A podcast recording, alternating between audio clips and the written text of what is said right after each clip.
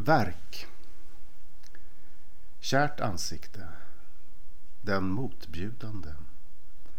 Annars vinter. Smärta. Abantis, nu ber jag dig.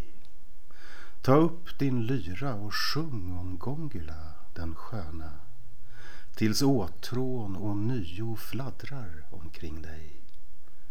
För hennes klänning hetsade upp dig när du såg den och jag gläds.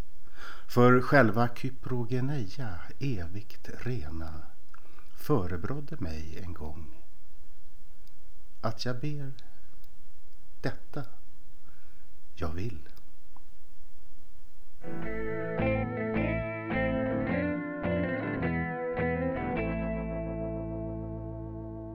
Hej och välkomna till Ordfronten, Ordfrontsförlags alldeles egna podcast där vi träffar författare från säsongen.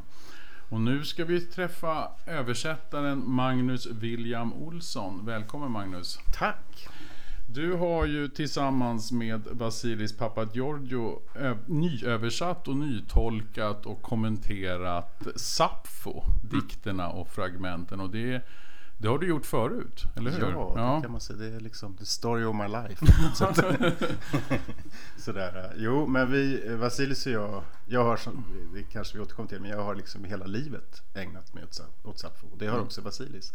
Men någon gång på 90 90-talet, början av 90-talet så tänkte jag att jag skulle vilja göra en bok mm. med Sappos.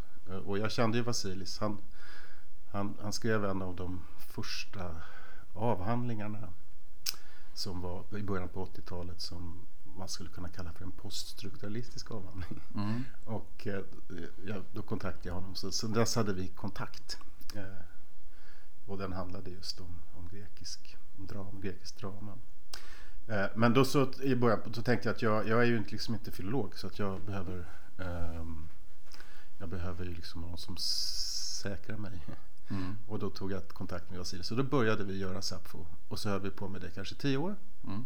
Och så kom det en utgåva av alla, allt som då fanns. Eh, på, på Fibs lyrikklubb och, och, som sen blev Ordfront. Mm. Eh, och, eh, och sen har den där eh, boken ju gått väldigt bra. Folk har köpt alla på universitet, kurser mm. och sådär. Det har kommit till pocket och den har liksom, mm. folk har gillat den. Och så snackade vi om att fan, vi skulle göra en ny, datera upp den liksom. Mm. Eh, eh, och, och då kände jag att ja, men jag, jag vill göra det en gång till. From mm. the very beginning. Liksom börja från början. Och, uh, och inte hålla på att uppdatera utan liksom ta sig an det igen. För att så är det ju. Man, 20 år har gått och man har blivit äldre och nya, ganska mycket nytt material har kommit till. Och, och framförallt så har internet kommit som en enorm skillnad för förutsättningarna för att hålla på med Sappho och sådana gamla texter. Mm. För, för i början när jag började med det där i, i tonåren då var det liksom, oh, det var liksom så jävla fint. Det var liksom bara professorer i grekiska som kunde hålla på med det. Det var så mm. super eh, liksom, exklusivt. Och det var liksom också det mest, vad ska vi säga, hög symboliskt hög, hög värde man kunde hålla på med i liksom poesibranschen. Och liksom, mm.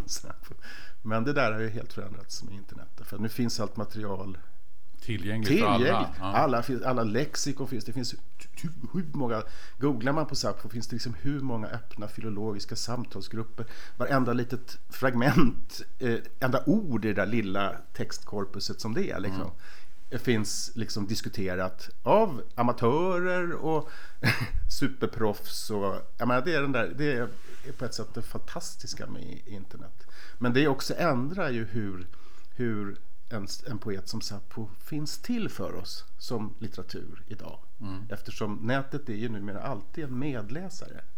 Man mm. googlar ju alltid på grejer, mm. liksom alla eh, konstiga namn eller vad är det här? Så mm. bara googlar man och så, så för man in det liksom mm. i, läsning. Så att internet, eh, och när den här boken kom, den kom väl 99 eller 20, 99 mm. tror jag. Då var ju inte internet ett sånt, en sån Nej. omständighet. Nu är det liksom helt annorlunda. Så att Sappho finns till för oss på ett helt annat sätt. Och då kände jag kände att fan, jag vill göra det här nytt sätt. Och så frågade jag Vasilius och han tyckte ju att det var roligt. Så satte vi igång. Och det tog vi höll på många, många år igen. Mm.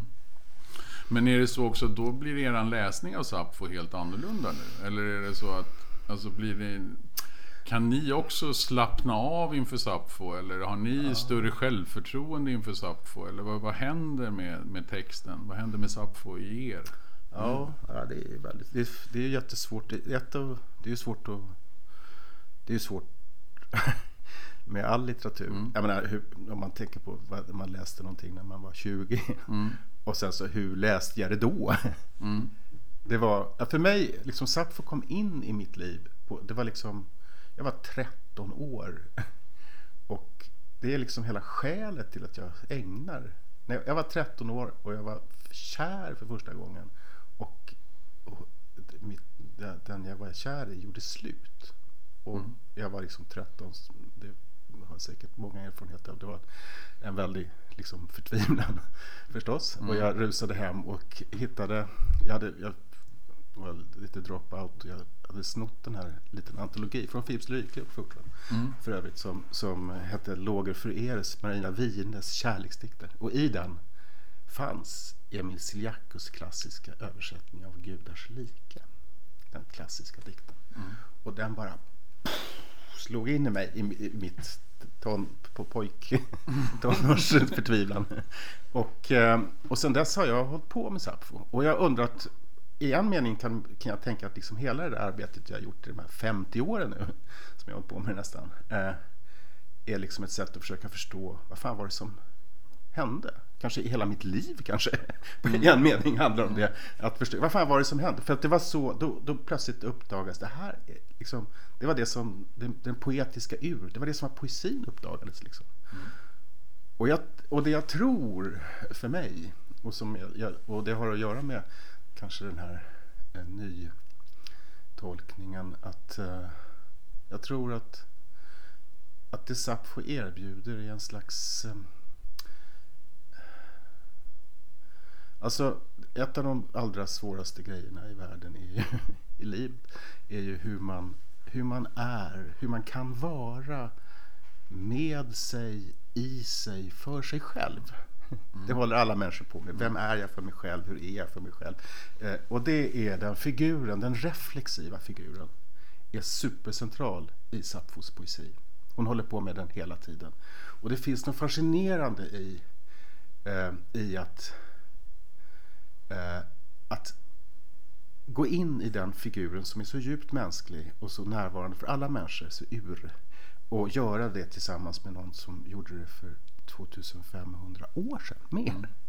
Eh, det finns en, jag tror att eh, den där liksom, men hur liksom, det finns ett, ett, ett, mm. ett fragmenten som är just en enrading, 165 heter det tror jag. Eh, den, den, det kan man tycka att, för att boken innehåller, ska, man kanske ska säga det för lyssnarna, att, att Sappos verk Eh, det som finns kvar av det är en enda hel dikt och sen är det bara fragment. Mm. Och en hel del fragment är liksom bara ett ord. Kanske, sen finns det sånt som bara är ett halvt ord. Mm. och så. Men den här, den här och de, då, då, källan till de där texterna, de är liksom originalen om vi ska kalla det för. Det är då, dels är det citat i olika böcker, antika böcker.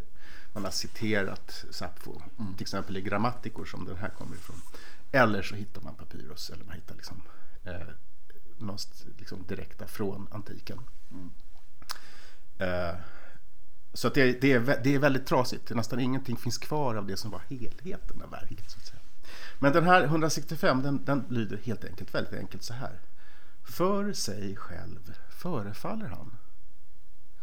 Eh, för sig själv förefaller han. Mm. Och, och, det är ju just en, en liksom fråga hur förefaller jag för mig själv? Mm. Och den frågan är för mig väldigt verksam i hur man närmar sig Sappos poesi. Hon talar om sig själv, hon nämner sig själv med namn mm. till exempel i sina dikter. Så att den där reflektionen finns där. Liksom. Men sen rymmer ju det där fragmentet också för sig själv förefaller han. Det är ju en, en, grammatiskt exempel kan man säga. Va? Men det rymmer ju också en, en det, skulle, det kan man ju översätta på många sätt. Man skulle kunna översätta det för sig själv verkar han eller för sig själv står han, han står fram för sig själv. På, eh, alla, alla möjliga. Så att det finns ju någonting i och att, att man då väljer till exempel för sig, att vi har valt för sig själv förefaller han. Det, där i finns ett poetiskt moment som har att göra med allitterationen för sig själv förefaller han. L grejen själv förefaller han. Mm. Eh, eller rimmet där för sig själv förefaller han. Det finns en massa sådana poetiska moment också i de där små fragmenten mm. som är liksom eh, och i Sapfos självreflektion hur hon är för sig själv, Sapfo, eller vad jag ska säga, eh, så är det där poetiska hela tiden mm. närvarande. Och hur... För det tycker jag är lite fint när ni samtalar här, du och Vasilis i boken om översättningen och hur ni närmar er det. Så är det ju som att ni också öppnar för att det här är just eran tolkning. Och att man får tolka och mm. man får mm. göra andra saker med Sappho om man vill. Absolut. Och hur vågar man liksom ta sig ändå den där rätten? Att liksom, det här är min här, det här skriver jag ner nu. En, ja, det, känns det, det läskigt säga. ibland? Eller uh, vågar nej, man göra det? Ja, men som det, att inleda ett samtal? Uh, ja, det, det, är ju det som är... Uh, jag menar, att, att, översätta är ju på ett sätt att ansvara för det. Mm. Att liksom så här... Det är ganska svårt att veta. Mm. Varför ska det vara förefaller och inte mm. verkar? Mm. Det, det, är liksom, det, det, finns ju inga... Man kan diskutera det filologiskt. Hur ska man översätta det ordagrant? Bla, bla, bla. Mm. Och hur ska man, men man kan också tänka hur känns det i mig?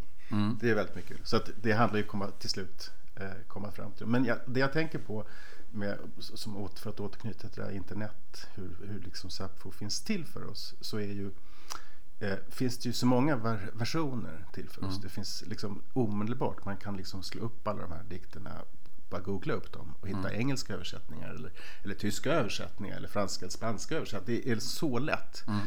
Och, och, och då kan man ju tycka att det är en... Då blir ju det jag menar, jag har en, en av mina bästa kompisar, Jesse Mohammed, poeten. Han brukar alltid säga, han översätter också. Han brukar alltid säga att liksom, jag gillar dåliga översättningar. För att då kan man alltid göra det bättre. Mm. och det finns någonting i det att, att det kommer många översättningar då på svenska. Mm. Eh, en del publicerade bara på nätet, mm. Eh, chansningar, en del bara på Instagram. Liksom. Mm. Och en del liksom mera rigorösa versioner som den här som vi har gjort. Då.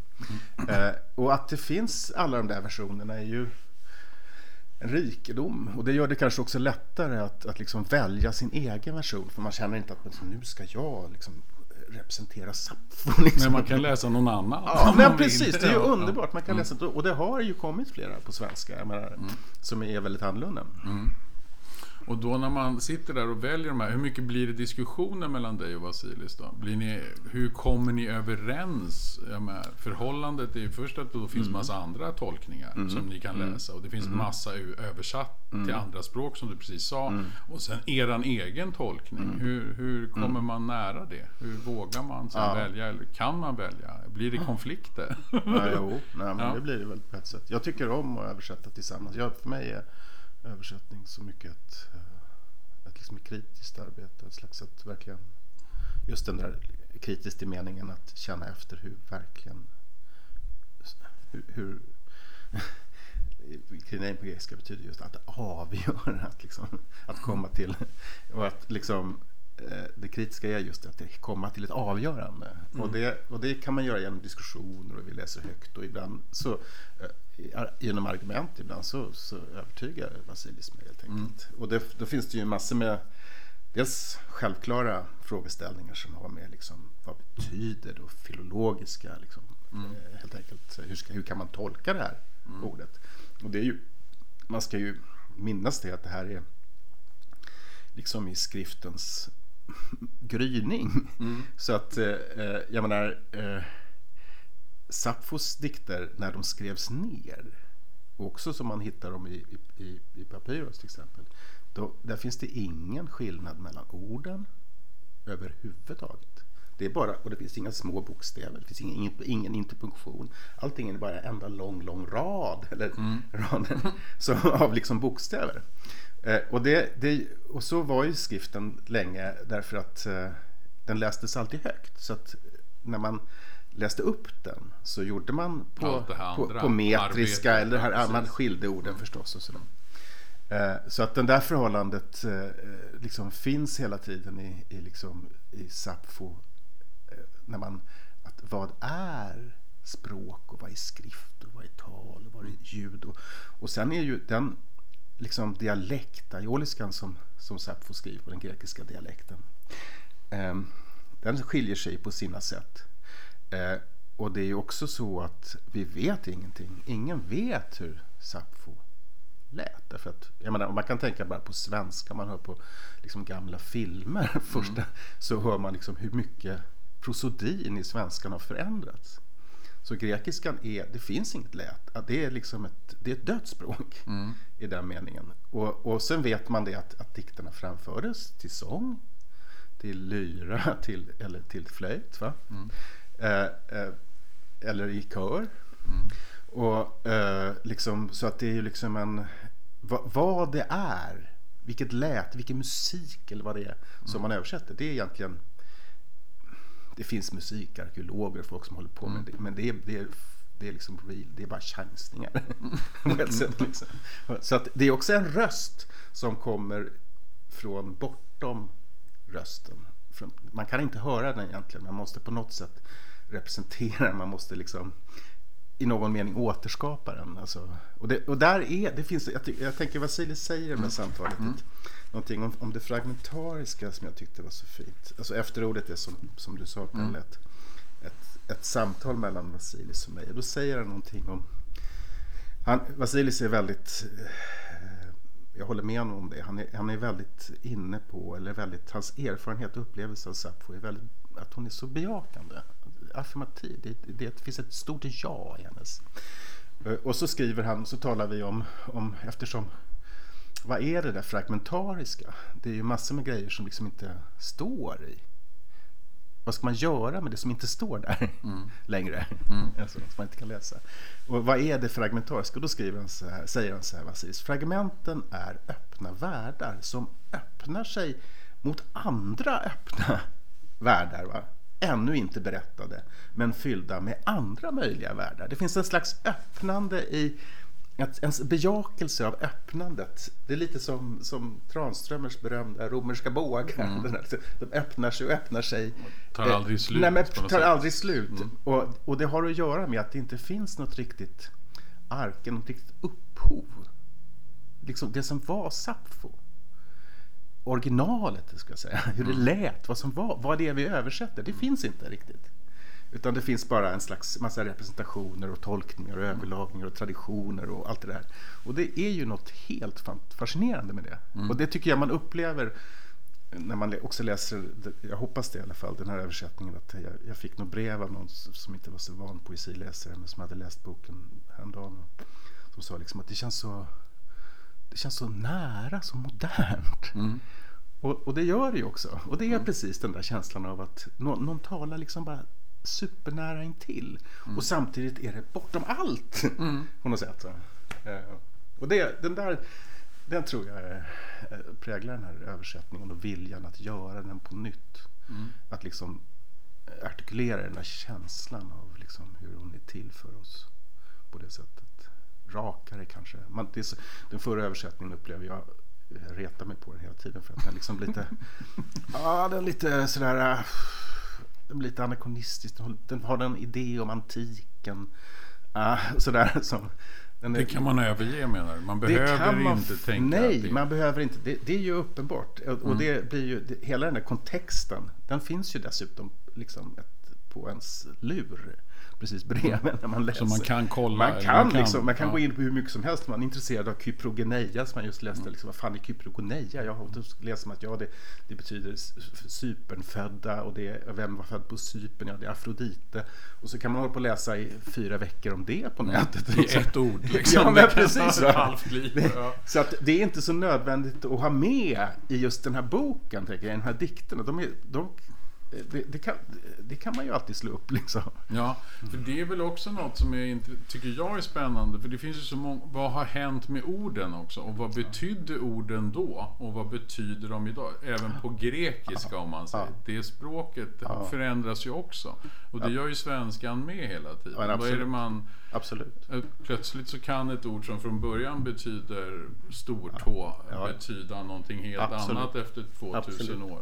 Det är ju ett... ehm, Och hur försöker man befästa det där? Eller hur väljer det finns man ju det oändliga där? diskussioner. Jag menar det är ju liksom... Jag menar det är Jag ju vet så- att ni pratar om tron och mantel Ja, och sådär ja men precis. eh, Ja. Polytros. Det, det är, det är ett, ett mycket omdiskuterat diskuterat ord i, i, som första gången För det är ju en väldig Man fick- diskrepans i vad det ordet då enorm. kan Precis. betyda. Det, och så är det med väldigt mycket. Ja.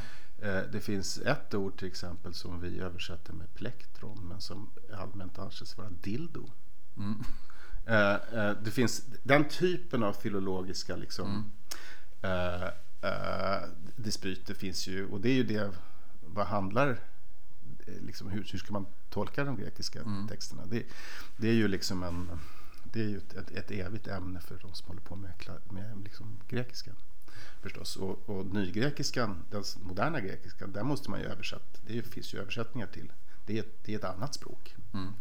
förstås. Eh, Det är lite, jag menar, om vi tittar på, på gammal, det som vi tycker är väldigt gammal i liksom isländska sagor eller någonting så är det liksom så far away. Folk kan ju inte läsa det, finns det chans.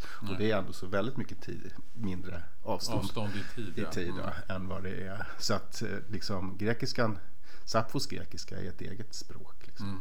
Men sen kan man säga att det är ju ett så litet korpus. Det är, vad är det, 100-200 Ja. fragment? vad fan Det- det Och de flesta innehåller några ord bara. Så att det är inte mer än något tusen, Det går fort att tusen läsa ord. om man vill. Och varje litet ord, där, det går fort att läsa, och varje litet ord av de där liksom, kan man hålla på med hur länge som helst. Ja. Liksom. Så det är hur mycket text Ja men det öppnar sig, öppnar sig, öppnar sig liksom. ja.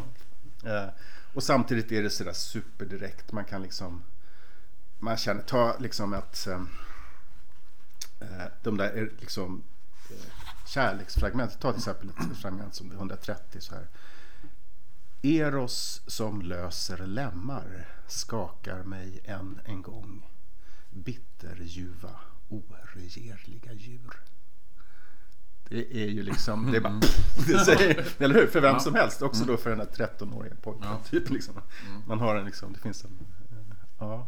Så att i den meningen, för mig är liksom, Sappho på det sättet som en, eh, alla, man kan faktiskt också läsa de här dikterna. Och jag hoppas det. Nu, Kerstin Hanssons underbara omslag. Mm. Det blev ju en väldigt vacker den bok. är så snygg. Jag älskar den. Just därför att det känns som att den, man, den här kan man ha i fickan eller i sin väska när man är liksom gymnasist. Ja. Och, och den, är, den kommer att patineras och man, kommer liksom, man kan leva med den. Eh, på- så jag tycker den är Den ska användas. Liksom. den ska användas och det, så upplever jag Sappo. För mig, hon, hon finns ju, har ju funnits i mitt liv va- varje vecka. Jag läser den alltid. Och, och hon är ett korrelat.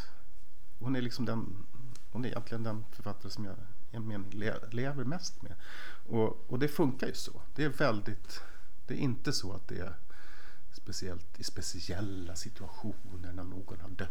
Då ska man plocka fram Sappho. Nej, det är inte så. Utan. Sappho är liksom, hör till vardagen. Det åker ut och in i ens liksom, helt vanliga tankeliv. Mm. Eller där man är för sig själv kanske. Man tänker ju, vi ska ju också avrunda, vi har, vi har på ett tag och pratat. Men, men då tänkte jag så här, det, blir det i själva den här översättningen, man tänker ju ofta på det, det här med hur man ska tolka, hur man ska välja, alla de här sakerna. Blir det liksom ett större sån diskussion för just avståndet i tid? Och att det här också känns som att det här är det här är den första poesin som nå, alltså det här är den första skriften.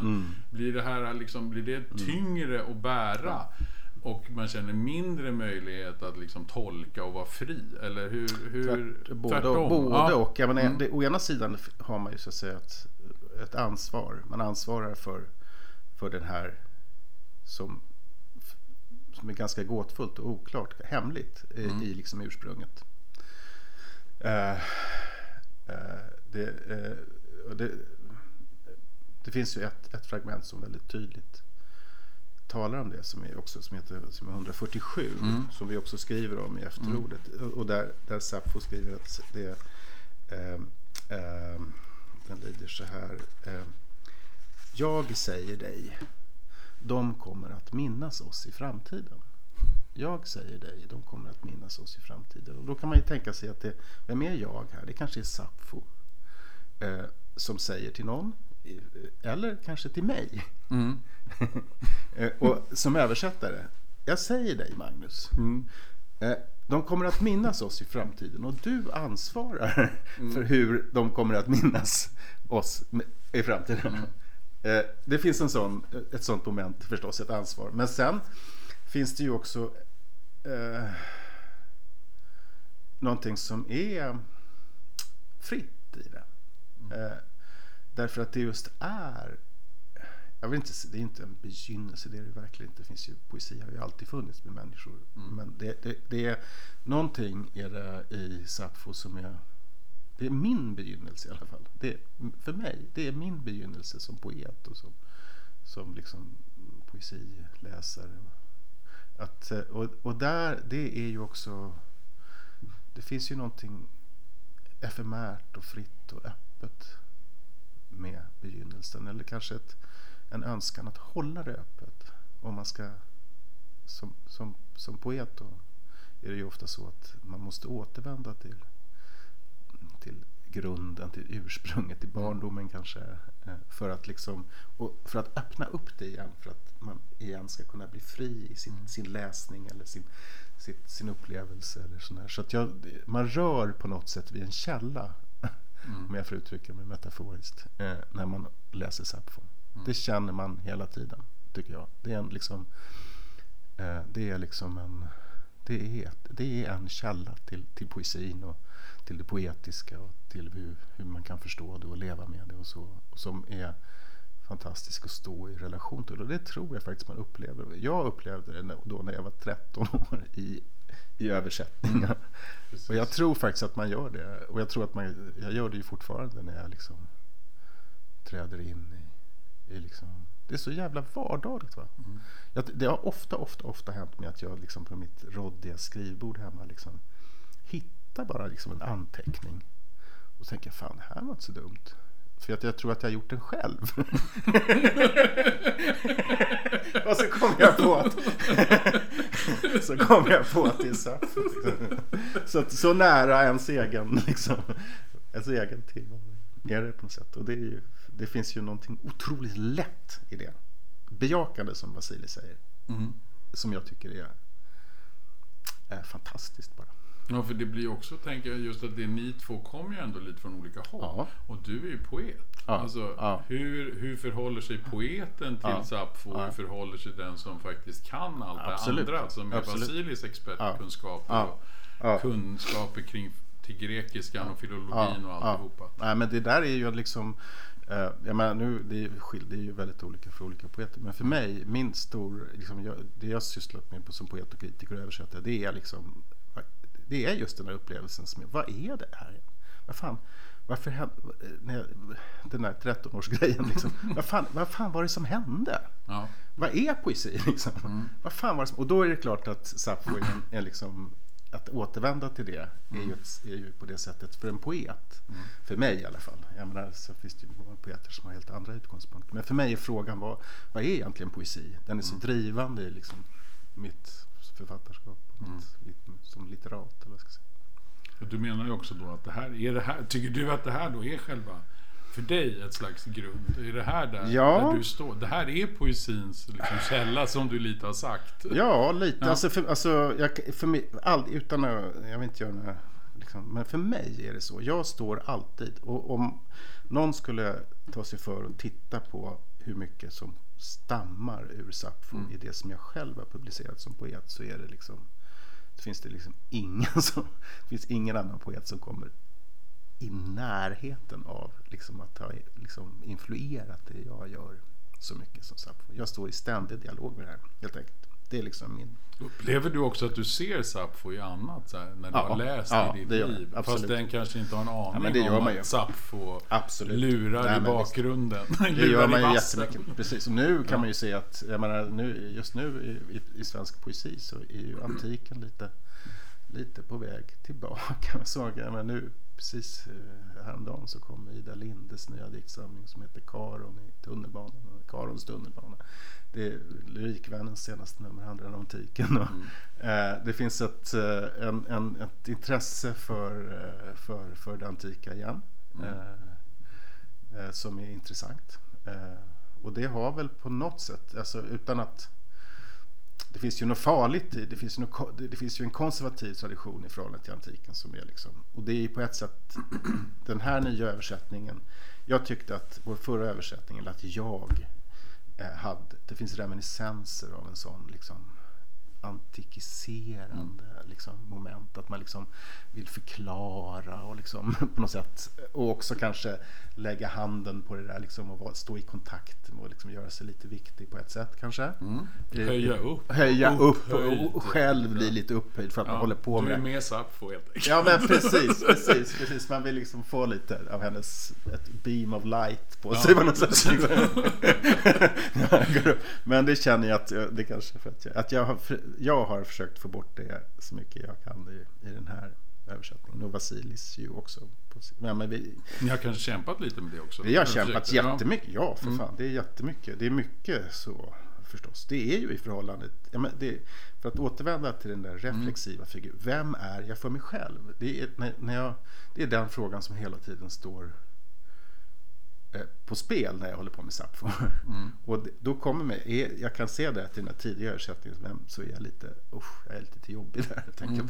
Men att det hela tiden att eh, på ett sätt är det där kritiska, det där att komma till avgörande är på något sätt att hur, hur, kommer, hur är jag för mig själv i förhållande till, till Sappho.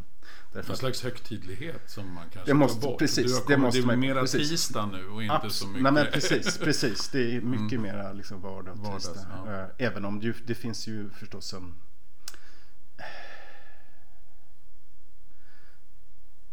att liksom att ta till orda. Mm. Eh, Det finns ju ett anspråk i det. Och Sapphos väjer aldrig, inte en sekund för det anspråket. Själv. Som poet. Hon, det är inte så att hon liksom försöker göra, spela ner sig. Eh, utan hon, hon vet vad det innebär att ta till orda. Hon vet, vet vad det är liksom, hon väjar inte för att det är en stor sak. Det är en stor sak. Och att det är en jättestor sak att, att i den meningen ta sig för att översätta Sappho. Det är extremt pretentiöst. I god mening. Man bör ha pretensioner. man bör, tycker jag, när man översätter. Eh, Så att, eh, men däremot det där lite fisiga, fisförnäma, Ja, liksom precis. lilla... Uppnosiga, Upp, ja, man vill liksom... Ja. Ah, uppnästa. Ja. Ja. Precis, det, det tror jag. Hoppas jag att det har kommit bort eh, i det här. Det kanske inte har. Men det är ju lite härligt att hennes, hennes, just det du säger nu, det här ta till orda och att hon gjorde det. Och att det lever 2500 år senare, det är ju ändå är ganska fascinerande och I det här underbart. trasiga tillståndet. Liksom. Men det, Det är helt det ropar fantastiskt. fortfarande till oss. Fast Ja, men det det blev bara- ett ord här och var. Nej men Så, ja. absolut. Mm. Och då kan som den här kompisen, som, eller den här människan som skrev brev till mig, liksom, som inte läser poesi tror jag så mycket. Så, liksom, ja, att det är, så, det, är så, det är som om, om hon talar precis här. Det är så nära. Det är, så, det är, så modernt, det är som nu liksom.